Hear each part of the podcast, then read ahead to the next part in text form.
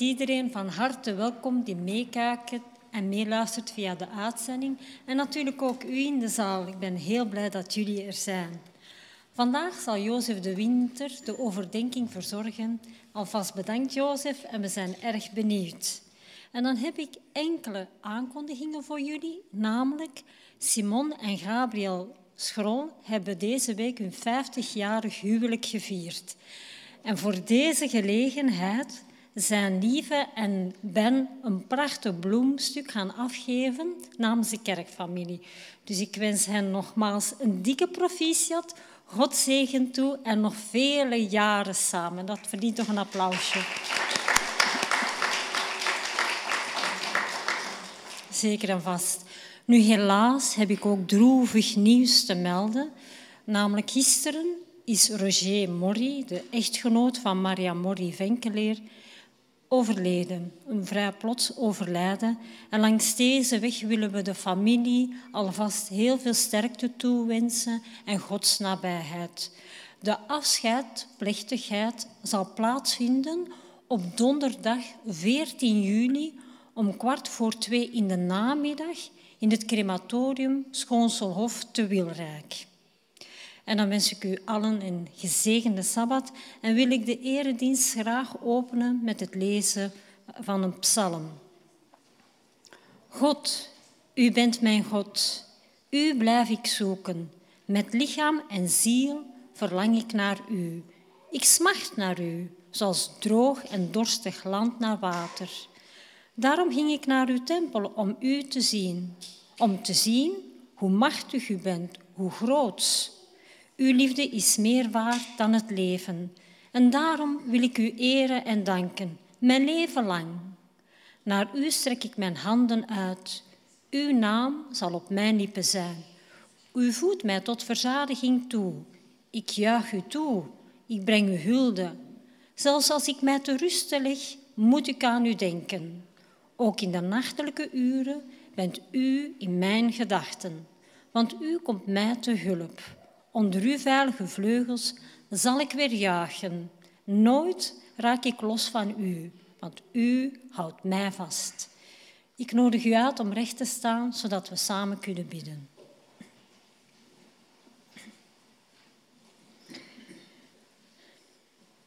Lieve Vader, wij aanbidden u boven alles en wij prijzen u, want u bent de Heer over ons leven.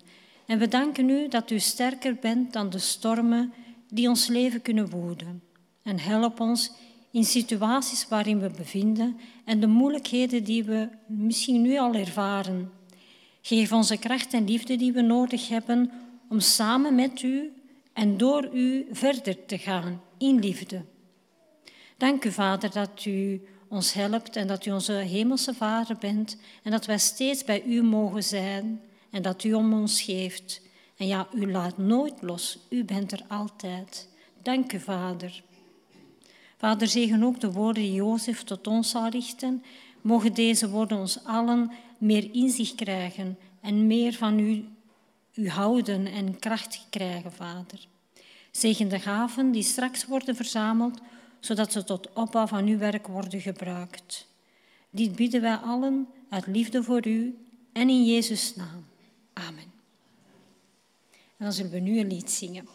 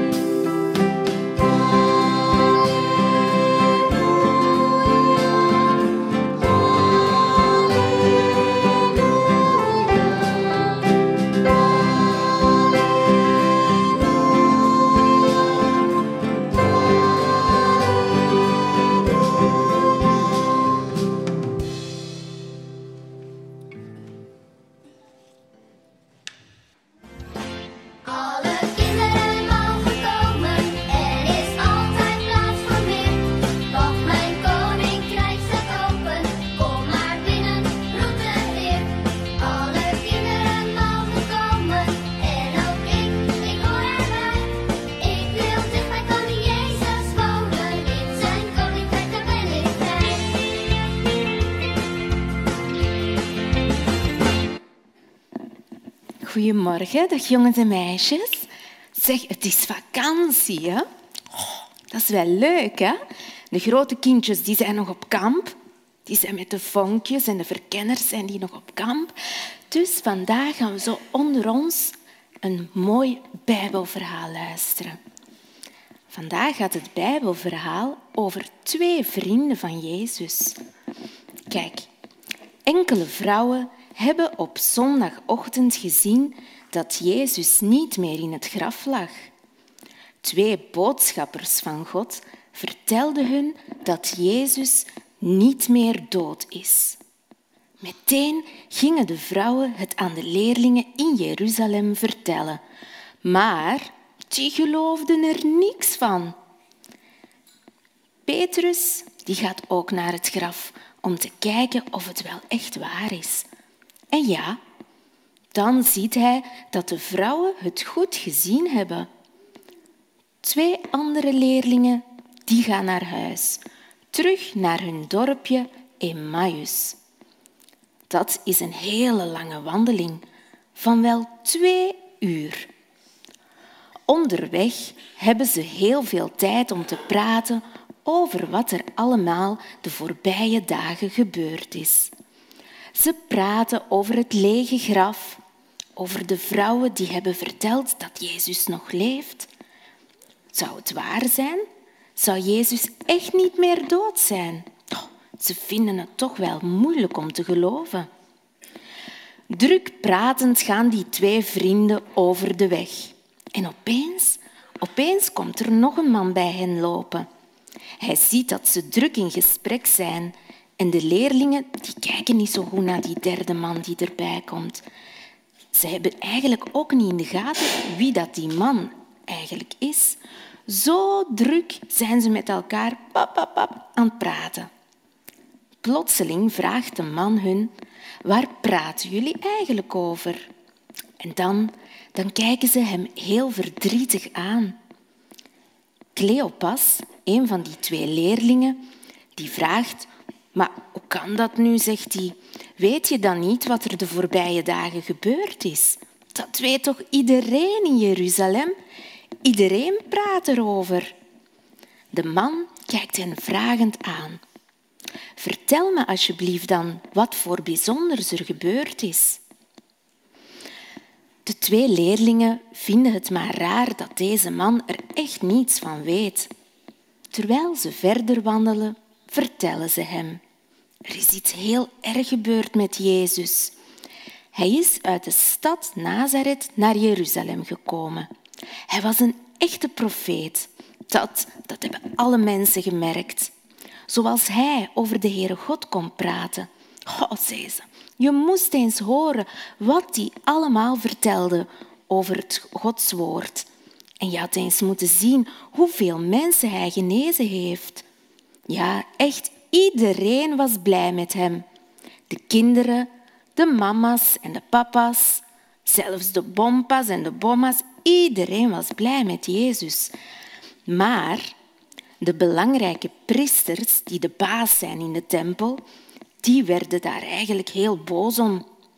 Ze namen Jezus gevangen en ze brachten hem naar de Romeinse soldaten. En die die hebben Jezus gedood. Samen met de mensen van ons volk zijn wij daar eigenlijk heel verdrietig om. We voelen ons erg ongelukkig. Wij en vele mensen met ons, wij dachten dat hij ons volk zou helpen. Dat hij de Romeinse soldaten uit ons land zou wegsturen en dat hij koning zou worden.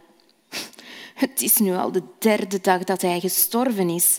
We begrijpen echt niet goed, want enkele vrouwen zijn bij het graf geweest en het was leeg. Twee boodschappers van God hebben toen verteld dat Jezus weer leeft. Maar bij het graf hebben de vrouwen Jezus niet gezien. Cleopas stopt. Verdrietig haalt hij zijn schouders om. Op. Ja, de twee leerlingen hebben alles verteld aan deze man, die ze eigenlijk niet kennen. En ze zuchten diep en ze kijken hem aan. Nu zegt de man tegen hen, Wat is dat toch eigenlijk met jullie? Kennen jullie dan niet de heilige boeken van God? Mozes en de profeten, die hebben toch verteld dat God een man naar ons volk zou sturen die dit allemaal zou meemaken. De twee leerlingen herkennen de man nog altijd niet. En samen wandelen ze verder. De zon die gaat bijna onder als ze in hun dorp Emmaus komen. De man die doet alsof hij verder, verder wil reizen, maar de twee leerlingen die zeggen meteen nee, nee, nee, nee, nee, zeggen ze. Kom, kom maar bij ons. Je mag met ons mee eten en je mag zelfs in ons huis slapen. Want het is nog ver wandelen en het wordt donker. Dus blijf maar in ons huisje logeren, zeggen ze. Na een poosje staat de maaltijd op tafel. Mm, de man die neemt het brood en hij dankt de Heere God ervoor. Dan breekt hij het brood in stukken en geeft het aan die twee vrienden. En opeens, als hij dat doet, dan herkennen de twee leerlingen hun meester. Maar die man, die man is Jezus. Hoe kan dat toch? Ze kunnen hun ogen niet geloven en ze kijken elkaar zo heel verbaasd aan. Maar hoe hebben ze dat toch niet kunnen weten terwijl ze heel de tijd met die man aan het wandelen waren naar Emmaus? Hadden ze het niet door dat dat de Heer Jezus was. Ze hebben hem verteld wat er allemaal gebeurd is en toch heel die tijd hebben ze niet gemerkt dat het Jezus was. Nu denken ze zo hard na dat ze niet eens merken dat Jezus niet meer bij hen in huis is. Wat zijn de twee leerlingen blij en opgewonden. Cleopas zegt tegen die andere leerling, heb jij ook iets gevoeld toen Jezus naast ons liep? Toen hij, uit ons, toen hij ons uit de heilige boeken vertelde? Ja, zei hij, dat was heel bijzonder. Mijn hart, mijn hart ging toen sneller kloppen. Kom, zegt hij, laten we teruggaan naar Jeruzalem en het aan de andere leerlingen vertellen. Ook al hebben ze die lange wandeling van Jeruzalem naar Emmaus gemaakt en is het ondertussen donker geworden, toch gaan de leerlingen meteen terug. Terug naar Jeruzalem. Maar eerst, wat doen ze? Ze steken een fakkel aan. Want in het donker kan je niet zien. Hè? En met die fakkel kunnen ze kijken en het pad volgen naar Jeruzalem. Want ze willen het fantastische nieuws ook aan de andere leerlingen vertellen. Het is echt waar dat Jezus niet meer dood is. Hij leeft, echt, want zij hebben hem zelf ook gezien. Ze hebben zelfs met hem gepraat en ook met hem gegeten. Dat moeten alle andere leerlingen horen. Dat was ons verhaal. Leuk, hè, jongens en meisjes, dat Jezus leeft. Wat denk je, gaan we samen boven gaan we zingen en muziek maken en zingen voor Jezus? Ja? Kom maar mee.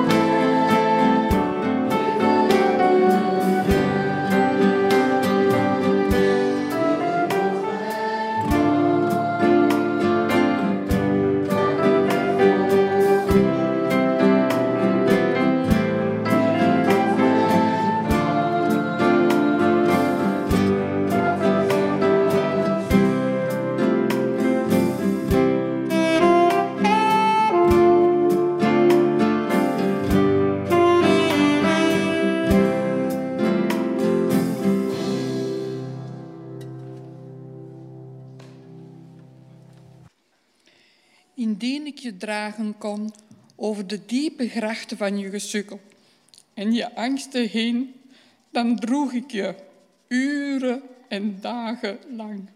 En ik dien de woorden kenden om antwoord te geven op je duizend vragen over leven, over jezelf, over liefhebben en gelukkig worden.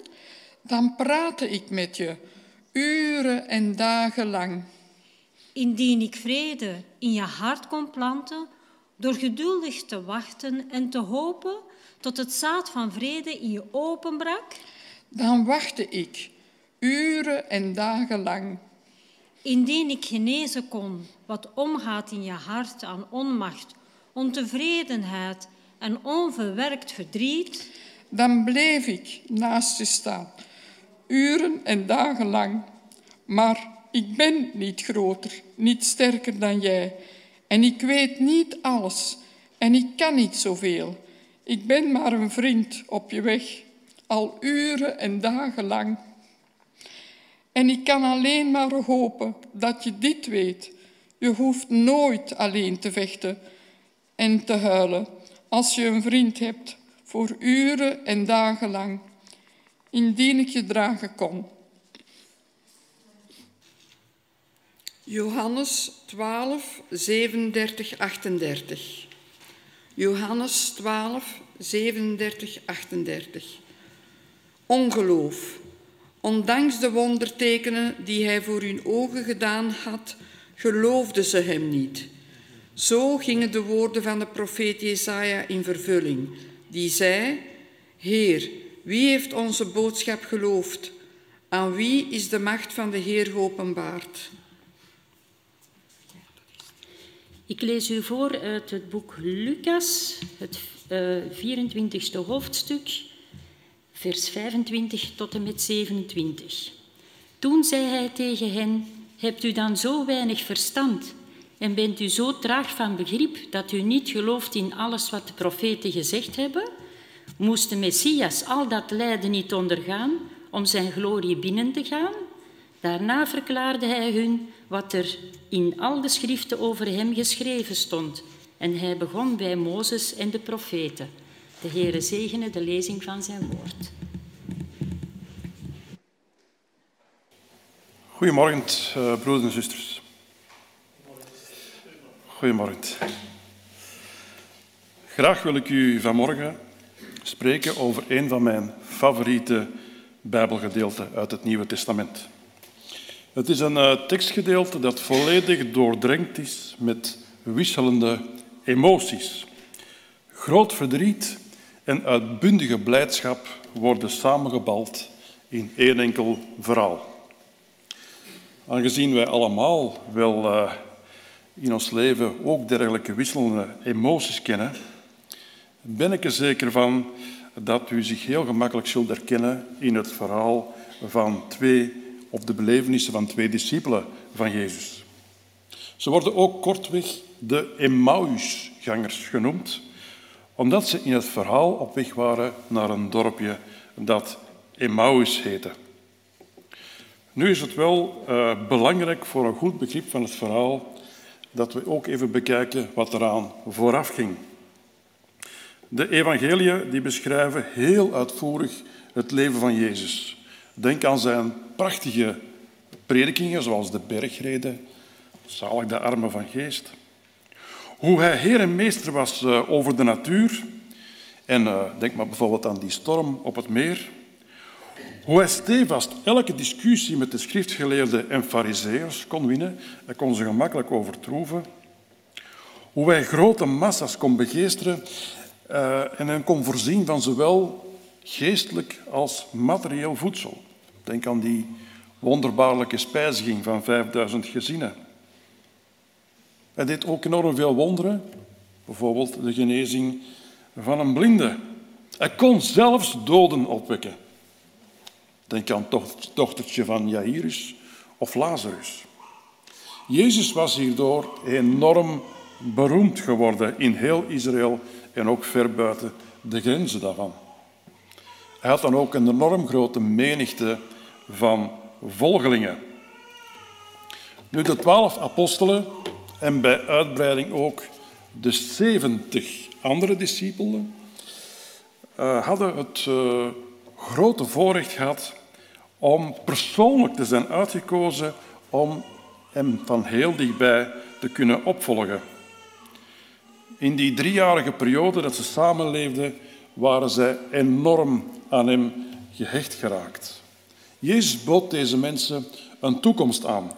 Hij was eigenlijk de enigste zin van hun leven geworden. Veel hadden dan ook hun bezittingen achtergelaten, uh, zelfs hun familie achtergelaten, om Jezus voluit te kunnen dienen en om samen met hem die grote opdracht te kunnen vervullen. Jezus sprak ook regelmatig over het koninkrijk van God, dat in hun bereik gekomen was, waarvan hij de Messias zou zijn. We weten, Messias, de gezalfde, waarvan hij de koning zou zijn. Nu, het hoogtepunt van deze blijde verwachting was toen Jezus met een ezel en een, en met een ezelin en haar veulen Jeruzalem binnentrok. Hij was omgeven door een uitbundige massa van mensen die hun mantels op de grond legden en, en palmtakken. Je kan het vergelijken met de steracteurs op het filmfestival van Cannes, waar die acteurs ook op een rode loper ontvangen worden en omgeven worden door een massa aan fotografen en filmploegen. Vele van zijn discipelen waren dan ook de mening toegedaan dat zij een enorm belangrijke rol zouden kunnen spelen in dat nieuwe koninkrijk van de Heer Jezus. Ze voelden zich onoverwinnelijk. Hun toekomst was verzekerd. We lezen echter in de schrift, en het is bij iedereen bekend, dat het allemaal volledig anders uitdraaide voor zijn leerlingen, voor Jezus ook. Er kwam een abrupt en tragisch einde aan het succesverhaal. Jezus werd voor een kleine som geld verraden door een medediscipel, Judas. En hij werd gevangen genomen, vernederd. Hij werd bespot. Hij werd geslagen. Hij wordt voorgeleid voor de uiterst vijandige hogepriesters, ook voor de Joodse koning Herodes en uiteindelijk ook voor de Romeinse gouverneur van Judea, Pilatus. Onder zware druk en manipulatie van diezelfde Joodse leiders werd hij, terwijl hij eigenlijk onschuldig verklaard was, toch gekruisigd samen met echte misdadigers. Het was een totale desillusie geworden. Jezus moest een, de gruwelijkste indenkbare martelmoord ondergaan. Bij deze verloor ook verloren ze alle hoop. Alle hoop was nu weg. Wanneer Jezus naar zijn graf wordt gedragen en dan ook nog eens met veel moeite een zware steen voor de ingang wordt gerold, was het complete einde gebeurd. Ja, inderdaad, het einde was ontnuchterend. Het was een enorm gezichtsverlies. Gezichtsverlies voor de apostelen, voor de vrienden van Jezus, ook voor zijn familieleden.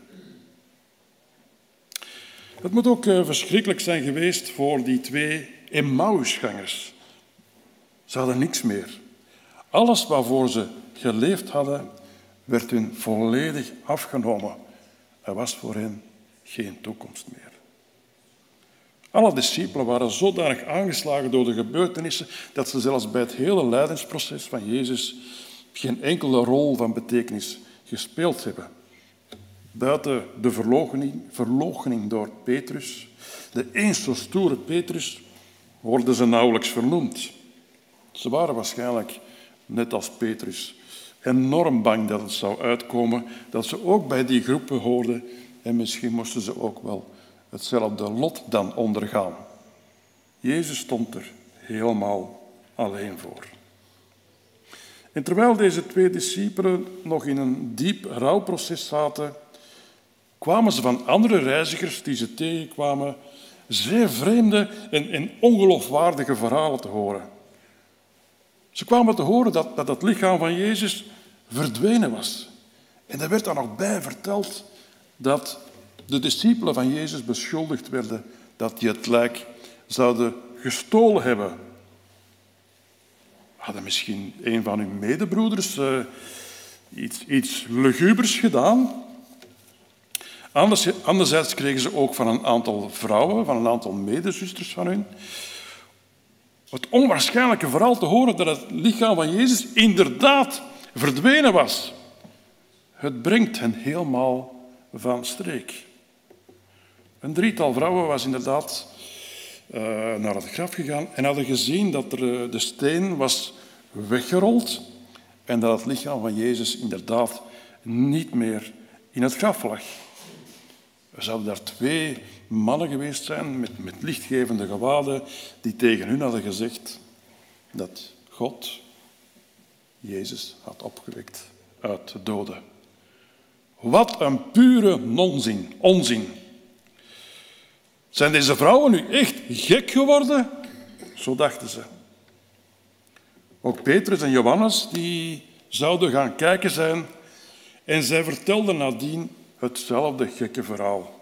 Het lichaam van Jezus was verdwenen. Er lagen enkel nog een paar doeken. Het lichaam was nergens te bespeuren. Is Petrus en Johannes dan, dan ook gek geworden? Of zitten ze misschien mee in het een of het ander complot? Wat is die toch een, eh, een vreemde toestand? En hier begint het verhaal van de twee Emmausgangers.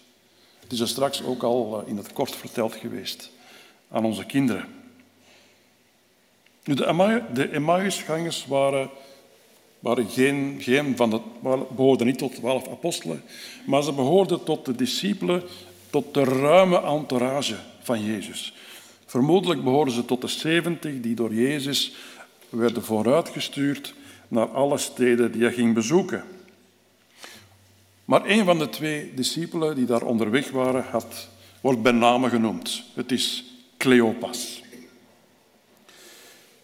Zoals ik dat straks al verteld had, waren ze enorm onder de indruk van de gebeurtenissen en van de geruchten die de ronde deden.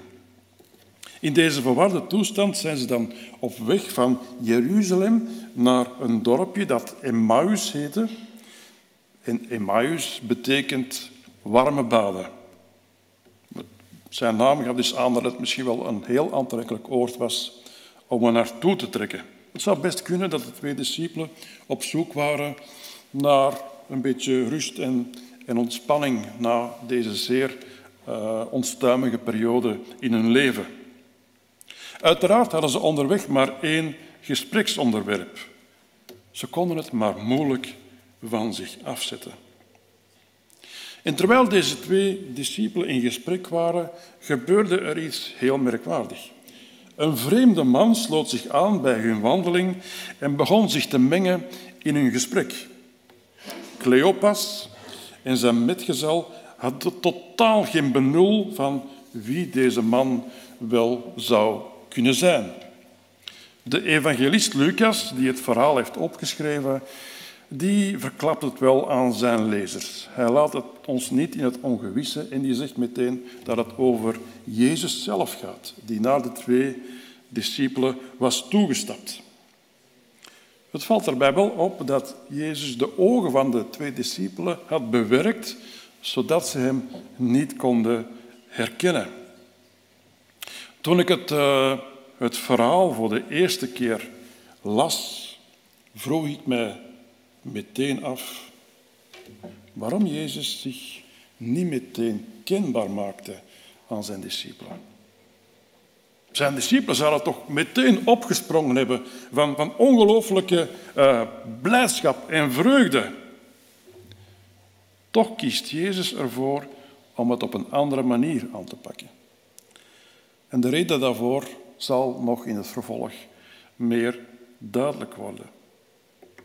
De doodgewaande Jezus voegt zich dus onherkenbaar toe bij het groepje van die twee wandelen discipelen. En hij vraagt hen waarover het gesprek gaat.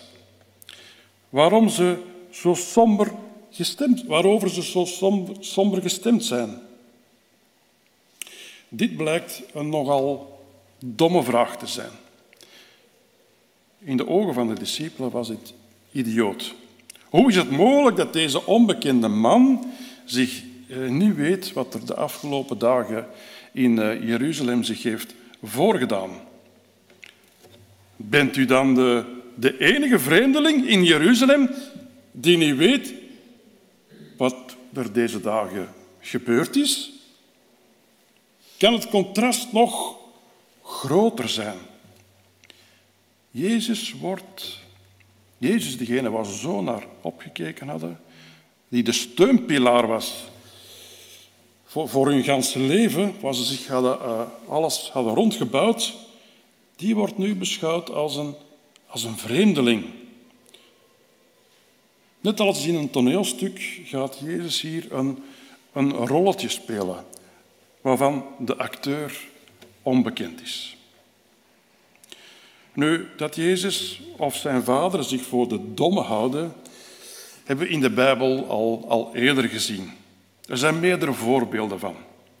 Denk bijvoorbeeld aan, aan de zondeval in het paradijs, waar God op zoek leek te gaan naar Adam en Eva. Hij wist natuurlijk heel goed waar ze zaten, maar hij deed alsof hij op zoek was naar hen. En hij gaat daarbij enkele kritische vragen aan hen stellen. Waar ben je? Eh, wie heeft je verteld dat je naakt bent? Heb je soms gegeten van de boom waarvan ik verboden had om ervan te eten? Nu, het doel van deze vragen was om de mensen ertoe te bewegen om heel kritisch over zichzelf na te denken en zelf het antwoord te geven op de reden waarom ze in een heel penibele situatie zitten. Adam en Eva zaten net als de Emmausgangers inderdaad in een dramatische situatie, waar ze in wezen zelf de oorzaak van waren. En die oorzaak is in beide gevallen een gebrek aan geloof. Dat gaat zo meteen nog meer duidelijk worden. We keren terug naar die Emmausgangers. Jezus die laat zich helemaal niet intimideren door die heel felle reacties en blijft doorvragen over wat er dan precies gebeurd is. En als gevolg hiervan storten de twee discipelen hun hart uit aan deze vreemdeling. Ze doen heel emotioneel het hele verhaal opnieuw. Hetzelfde verhaal dat ik ook daarnet al verteld heb. Het verhaal dat ging over hoop en toekomst, maar die volledig aan diggelen was geslagen. Ze zijn totaal gebroken en voelen zich ellendig. We leefden in de hoop dat hij degene was die Israël zou bevrijden. Maar ondertussen zijn we al drie dagen verder en er is nog altijd niks gebeurd. Ook wij hebben wel eens de behoefte om ons verhaal te kunnen vertellen aan iemand. Om onze emoties eens een keer de vrije gang te laten gaan. En dan vertellen we over het feit dat we slachtoffer zijn geworden van, van misschien wat onrecht dat gebeurd is in ons leven. Misschien hoe dat we ons soms in de steek laten voelen of misbruikt zijn. Het kan dan enorm deugd doen als er dan onverwachts iemand op ons pad komt en die, zich, die interesse in jou toont. Waarbij we het gevoel hebben dat we in alle eerlijkheid een keer kunnen vertellen wat er heel diep in ons hart omgaat. Zonder het goed te beseffen zijn deze personen die dan even met jou meegaan op je levensweg, zonder het goed te beseffen zijn deze personen ook vertegenwoordigers van de Heer Jezus. Alleszins, Jezus luistert heel geïnteresseerd en meelevend naar hun verhaal. Tot er op een bepaald moment een kantelmoment is in hun getuigenis. Op een bepaald moment vertellen ze over die vrouwen. Bovendien hebben enkele vrouwen, zeggen ze, uit ons midden ons in verwarring gebracht toen ze vanmorgen naar dat graf gingen. Inderdaad, ze vertelde hem dat ongeloofwaardige verhaal van die vrouwen die het lichaam van Jezus niet meer gevonden hadden. Ze zouden zelfs engelen gezien hebben. Ja, dit, dit getuigenis uh, had hen compleet uit hun lood geslagen. Er zouden zelfs nog twee van hun medebroeders, medediscipelen, zijn gaan kijken, maar die hadden ook geen lijk gevonden. Voor de Emmausgangers was het klinkklare onzin. Deze geruchten gaven hen alleen nog maar een ellendiger gevoel. Nog steeds onherkenbaar wordt het Jezus ineens te veel. Hij is totaal verontwaardigd over wat hij te horen krijgt van zijn leerlingen en hij besluit om in te grijpen. Hij neemt de leiding van het gesprek over. En hij zegt, hebt u dan zo weinig verstand en bent u zo traag van begrip dat u niet gelooft in, in alles wat de profeten gezegd hebben? Jezus was een beetje boos. Hij verweet de discipelen dat ze het nog altijd niet begrepen hadden. Hij gebruikt hiervoor heel scherpe woorden die erop neerkomen dat ze ongelooflijk dwaas zijn. Dom, traag van begrip. En de oorzaak van hun ellendig gevoel is opnieuw een gebrek aan geloof. Ze geloofden duidelijk niet wat de profeten allemaal gesproken hadden. En Jezus zegt, moest de Messias dan niet al dat lijden ondergaan om, om zijn glorie binnen te gaan?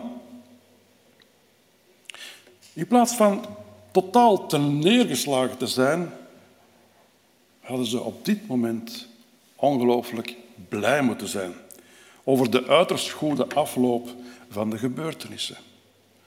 Alles is volgens plan verlopen. De Messias moest al dat lijden ondergaan en de goddelijke overwinning, om de goddelijke overwinning binnen te kunnen halen. Het was geen afgang, maar Jezus werd hier nu net door verheerlijkt. Hij heeft nu eindelijk de lang verwachte status van een koninklijke majesteit. En daarna verklaarde hij hun wat er nog verder allemaal in de schriften over hem geschreven stond. En hij begon bij Mozes en de profeten. Ik moet eerlijk zeggen, en dat vind ik juist het mooie van dit verhaal, dat ik soms een diep verlangen heb om ook een dergelijke wandeling met Jezus te kunnen maken. Ik veronderstel dat we dat allemaal wel zouden willen. Wat was dat toch een unieke ervaring voor die twee discipelen? Ze herkenden die vreemde man nog steeds niet maar hij bracht wel alleen maar goed nieuws. En het begon te borrelen in hun hart. Er, stond, er ontstond daar zo een fonteintje, een bron, een bron van blijdschap, die ze maar heel moeilijk onder controle wisten te houden. Het was vergelijkbaar met dat goede gevoel dat ze vroeger ook hadden toen ze samen waren met hun meester. Jezus legde dan ook vele passages uit de boeken van Mozes die betrekking hadden op hemzelf.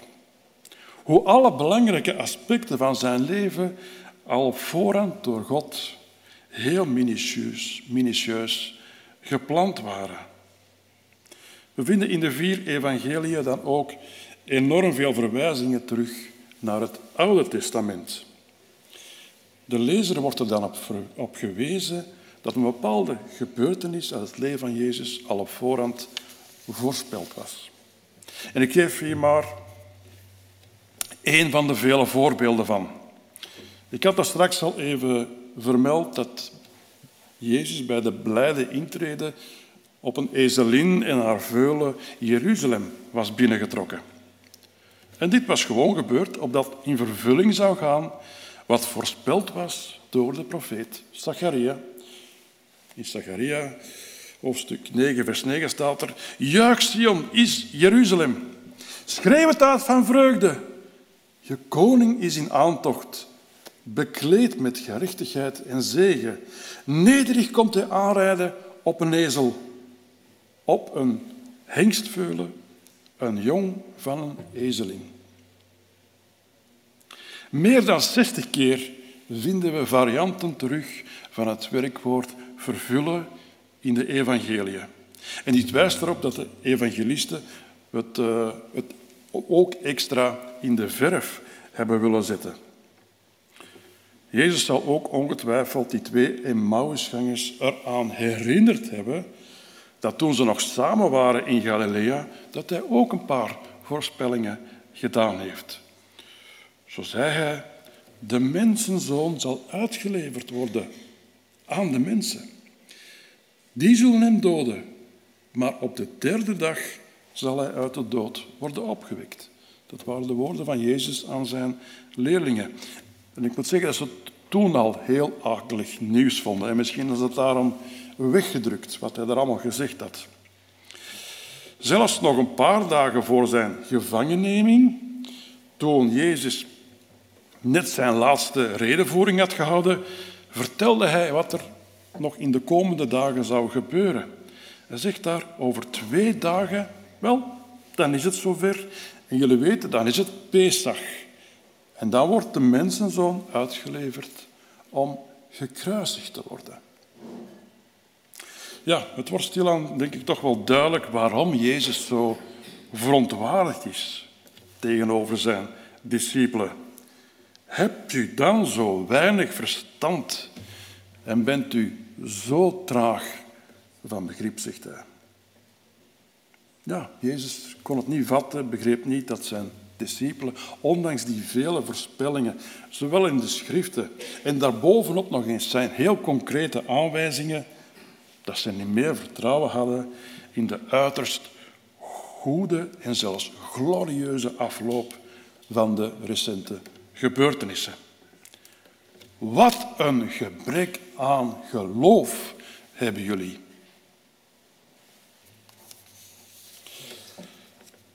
Ja, ondanks de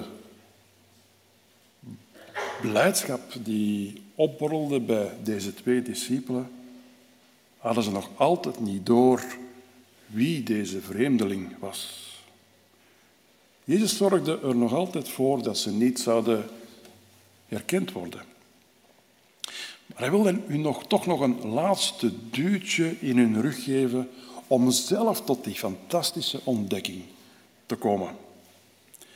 Wanneer ze s'avonds het dorpje Emmaus naderen, doet Jezus alsof hij verder wil reizen.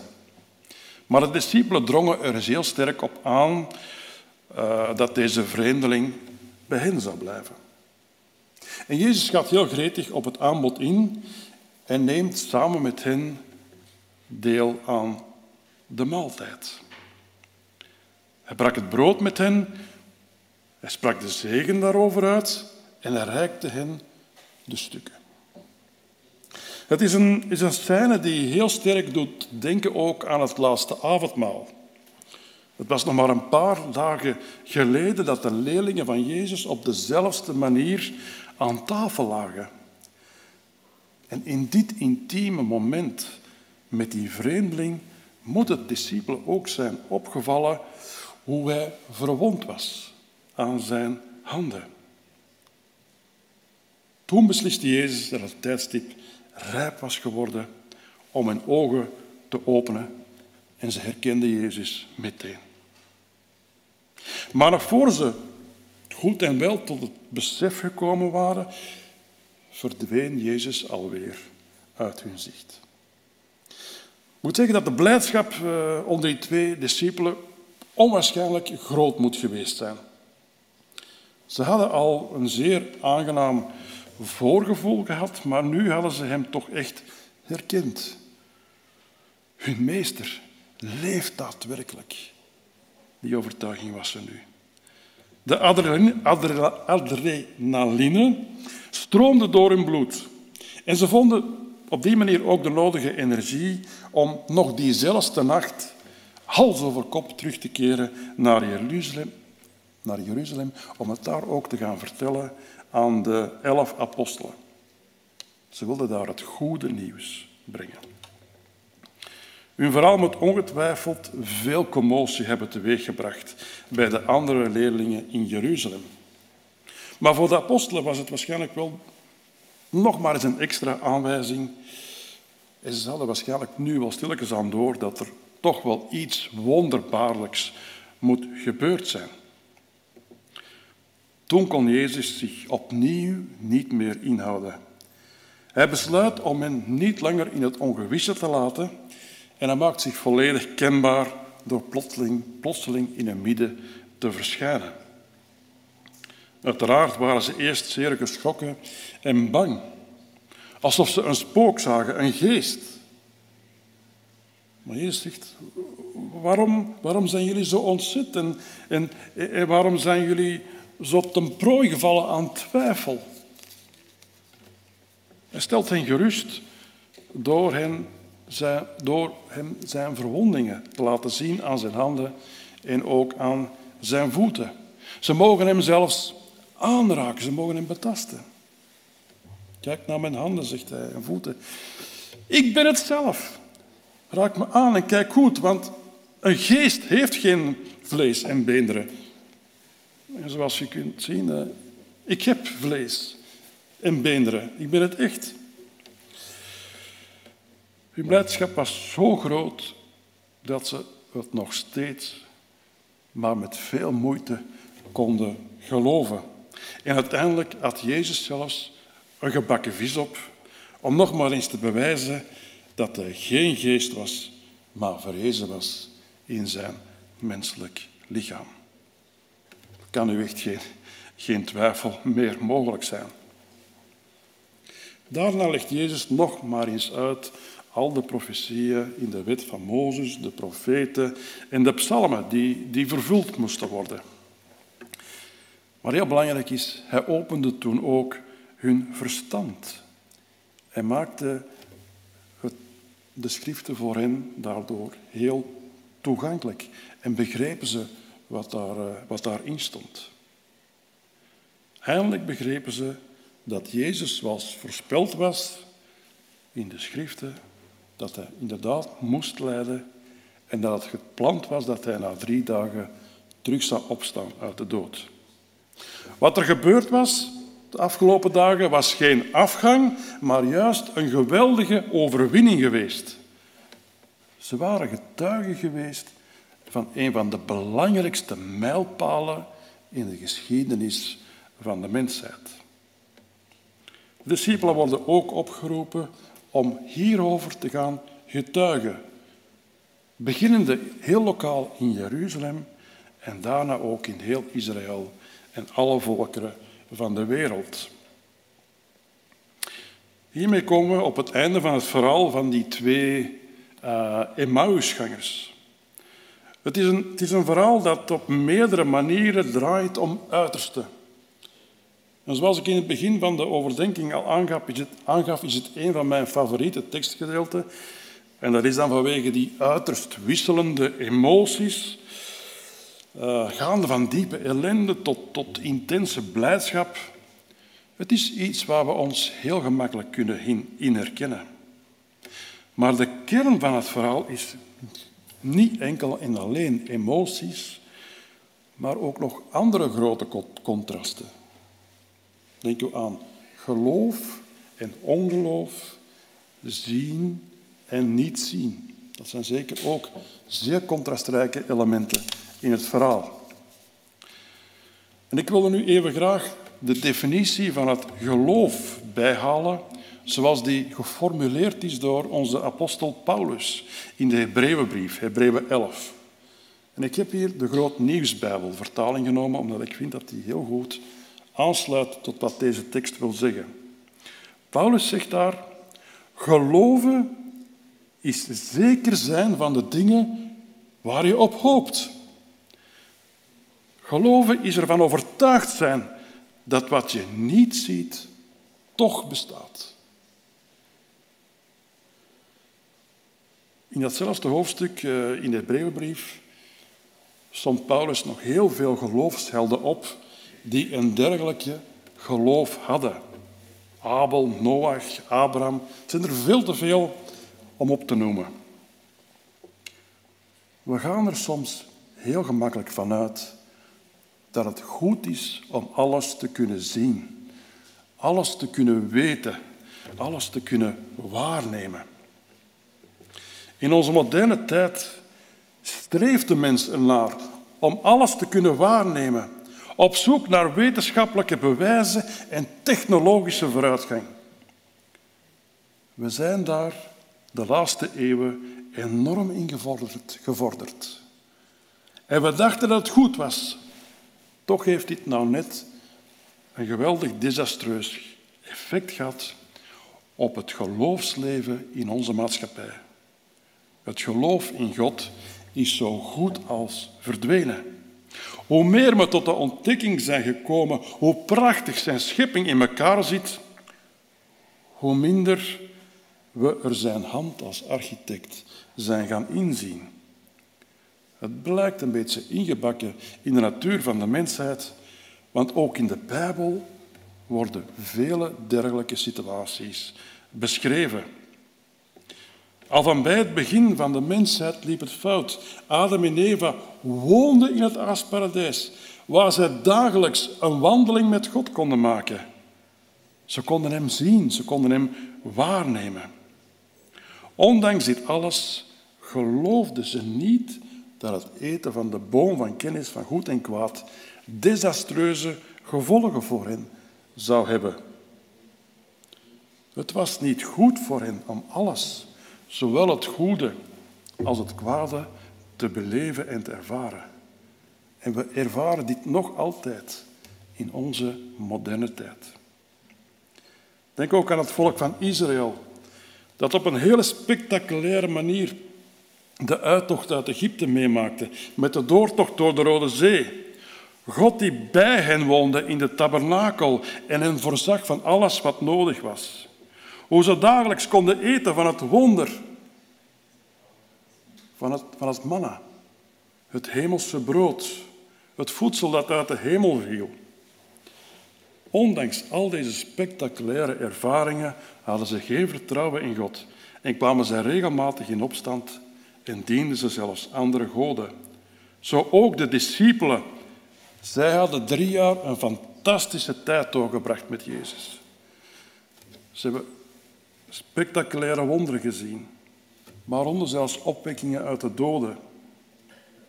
Toch geloofden ze niet dat Jezus moest lijden en na drie dagen uit de dood kon opstaan, zoals het voorspeld was.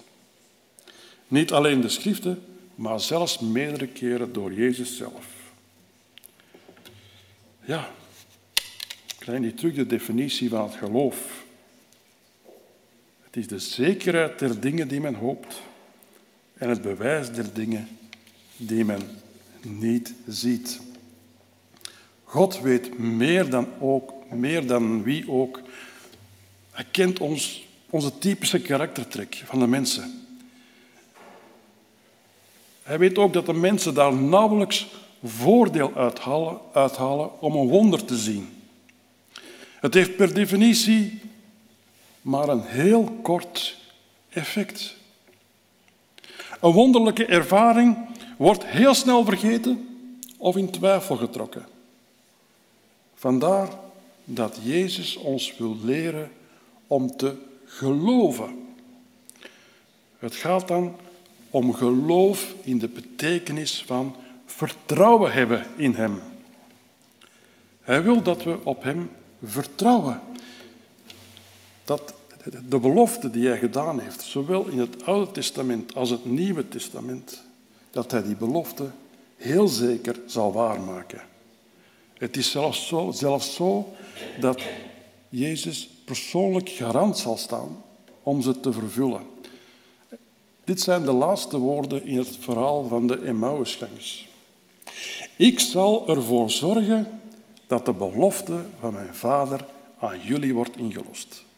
Jezus staat daar persoonlijk garant voor. We kunnen er inderdaad rotvast op vertrouwen dat ondanks we Jezus sinds de hemelvaart en tot op heden niet meer hebben kunnen zien, dat dat toch zal weerkomen zoals hij dat ons heeft beloofd. Herinner de woorden die hij zei, Wees niet ongerust, maar vertrouw op God en op mij. In het huis van mijn vader zijn veel kamers. En wanneer ik een plaats voor jullie gereed gemaakt heb, dan kom ik terug. Dan zal ik jullie meenemen en dan zullen jullie zijn waar ik ben. Laten we voorbieden dat Jezus, net zoals hij dat deed bij de discipelen, dat hij hun verstand mag openen. Zo kunnen we de vele profetieën die vermeld staan in de Bijbel en ook nog eens de aanvullende woorden van Jezus beter begrijpen. Ik hoop dat het verhaal van deze twee discipelen, de Emmausgangers, u mag inspireren in uw dagelijks geloofsleven.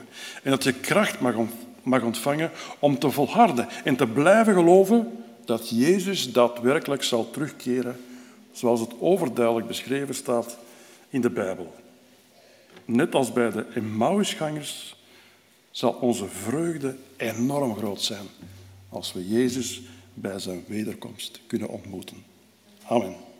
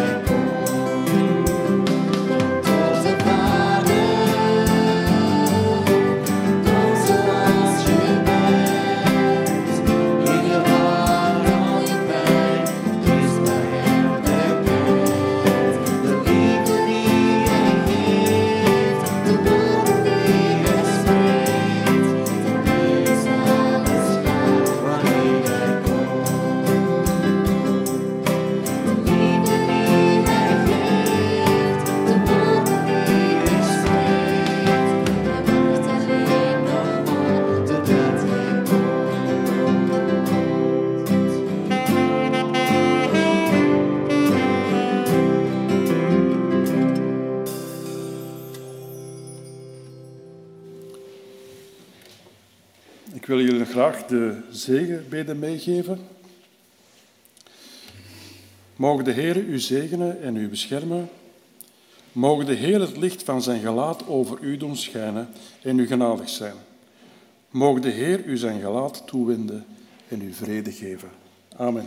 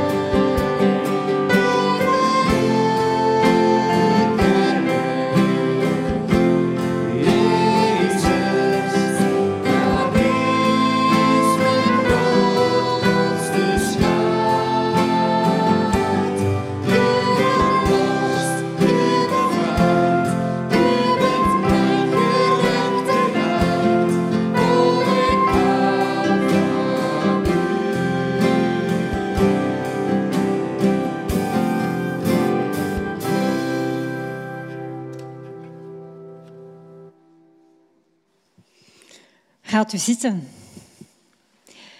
Ik wil God danken voor de woorden die Jozef, Jozef tot ons heeft gericht. Over geloof, over vertrouwen hebben en dat alles goed komt.